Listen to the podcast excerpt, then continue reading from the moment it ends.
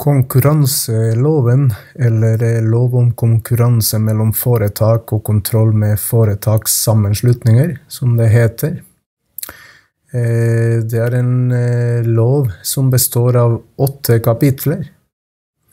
Eh, og som de aller, aller fleste lover finner vi hva loven gjelder, og hvem loven gjelder for, blant de første paragrafene. I kapittel 1, paragraf 1, finner vi lovens formål. Konkurranseloven har til hensikt å fremme konkurranse for å bidra til effektiv bruk av samfunnets ressurser. I det ligger en forutsetning om at eh, som man tror at eh, hvis det er god konkurranse mellom bedrifter, så greier de å, å jobbe mer effektivt og dermed utnytte ressursene bedre. Og loven skal eh, ta spesielt vare på forbrukernes interesser. Altså de skal skape konkurranse som kommer forbrukerne til gode. Eh, blant de første, eller de viktigste eh, reglene i konkurranseloven finner vi dette med prissamarbeid.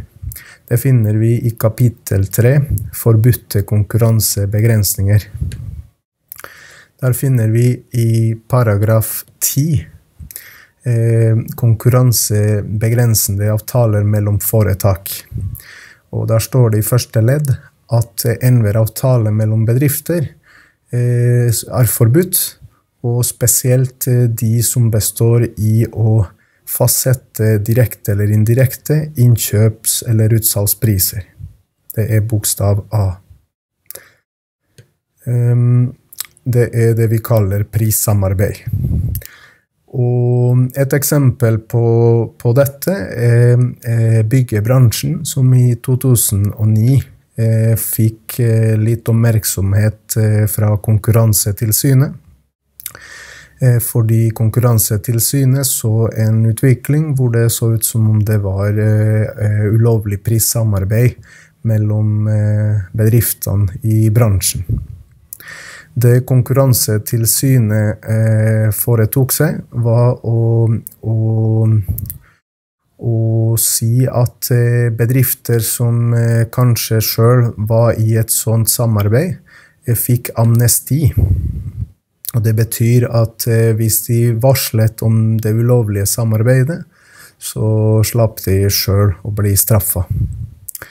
Eh, dette var et tiltak som eh, Konkurransetilsynet satte i verk for å motvirke eh, ulovlig samarbeid i tråd med, med bokstav A i paragraf 10 i konkurranseloven.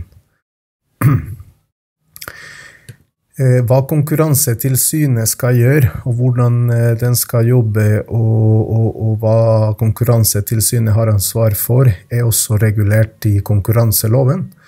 I kapittel to finner vi konkurransemyndighetenes organisasjon og oppgaver.